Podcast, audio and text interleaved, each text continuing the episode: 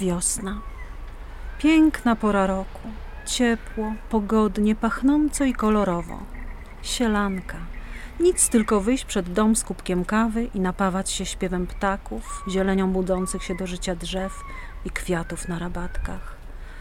Marzenia. Niestety mój mąż wpadł na pomysł, żeby posprzątać stryszek w domu po jego rodzicach. Niedawno się tam wprowadziliśmy i po remoncie tak zwanego dołu został nam tylko stryszek. Nieciekawa perspektywa. Kurz niesamowity, do wyrzucenia stare meble i bezużyteczne już przedmioty wszelkiego rodzaju. Ale cóż, jak trzeba, to trzeba. Nie było wyjścia. I tak w ten oto sposób piękne widoki za oknem zamieniłam na widok graciarni. Po kilku dniach wynoszenia ze stryżku wszystkiego, co możliwe, zauważyłam drewniane, nieduże pudełko, a w nim stare fotografie rodziny mojego męża.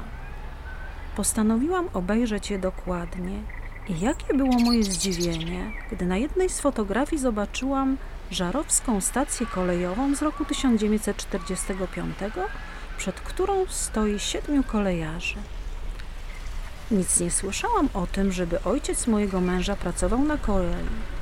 Przyglądając się fotografii, zauważyłam, że na budynku był napis Żary, a nie Żarów. Zaciekawiło mnie to niezmiernie. Włączył mi się tryb detektyw. No i się zaczęło. Dowiedziałam się, jak to z tą nazwą było.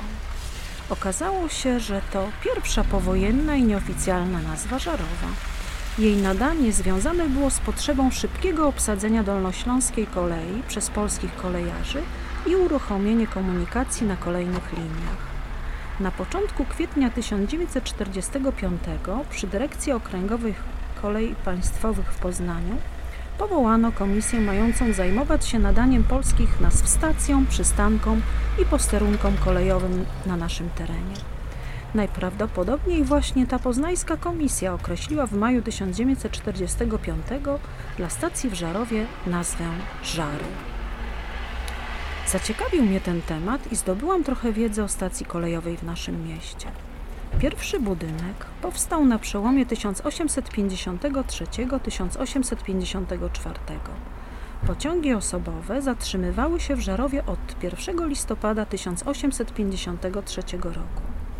Początkowo były to trzy pary pociągów, zimą dwie pary, które mijały się w Imbramowicach. W latach 1899-1900 stacja została rozbudowana. Powstał drugi budynek i peron z przejściem podziemnym. W tym czasie wybudowano drugi tor główny. Wiosną 1854 w budynku stacji uruchomiono niewielki oddział poczty. W sierpniu 1925 otwarto na stacji małą restaurację dworcową. Nowy lokal uruchomił Max Bretke, a prowadził jego syn Max Junior. Pozostało mi jeszcze dowiedzieć się, kto stoi przed budynkiem stacji na tej starej fotografii. To już było zadanie trudne do wykonania, ponieważ z żyjących krewnych mojego teścia została jego siostra, z którą ten za życia nie utrzymywał żadnych kontaktów. Wiedziałam tylko, że miała na imię Helena i tyle. Ani mój mąż, ani jego rodzeństwo nie miała pojęcia o miejscu jej zamieszkania. Nic, prawie się poddałam, ale jak to bywa, przez zupełny przypadek dowiedziałam się wszystkiego. Nie spodziewałam się nawet, jak bardzo los rodziny mojego męża był związany ze stacją kolejową w Żarowie.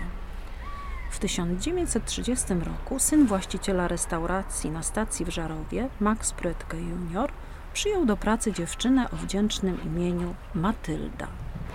Och, była młoda, ładna i ponętna, ale biedna jak mysz kościelna. Nie przeszkadzało to młodym zakochać się w sobie bez pamięci. Oczywiście ukrywali swoją miłość ze względu na ojca Maxa Juniora. Nie zaakceptowałby takiej synowej. Dla swojego jedynaka wymarzył sobie inną pannę z tak zwanego dobrego domu. No i koniecznie majętną. Wiadomo, jak to się skończyło. Max Junior musiał posłuchać ojca w kwestii orzenku, a Matylda została zwolniona z pracy. Po trzech miesiącach przyszedł na świat ich syn Józef. Oczywiście Max senior dowiedział się o narodzinach wnuka i postanowił wziąć go na wychowanie do siebie. Nieważne były dla niego uczucia matki chłopca, liczyło się tylko uniknięcie skandalu. Matylda musiała pogodzić się ze stratą dziecka. Niestety od tamtej pory nie zobaczyła już chłopca, który wychowywał się w rodzinie Bretkę, a jak dorósł, to został kolejarzem. Z tego co wiem, nigdy nie szukał matki. Pewnie powiedzieli mu, że zmarła przy porodzie. Niestety nie znam dalszych jego losów i już się tego nie dowiem, ale jedno jest pewne. Fotografia z kolejarzami przed stacją kolejową w Żarowie nie znalazła się w drewnianym pudełku na stryżku przypadkowo. A co do Matyldy?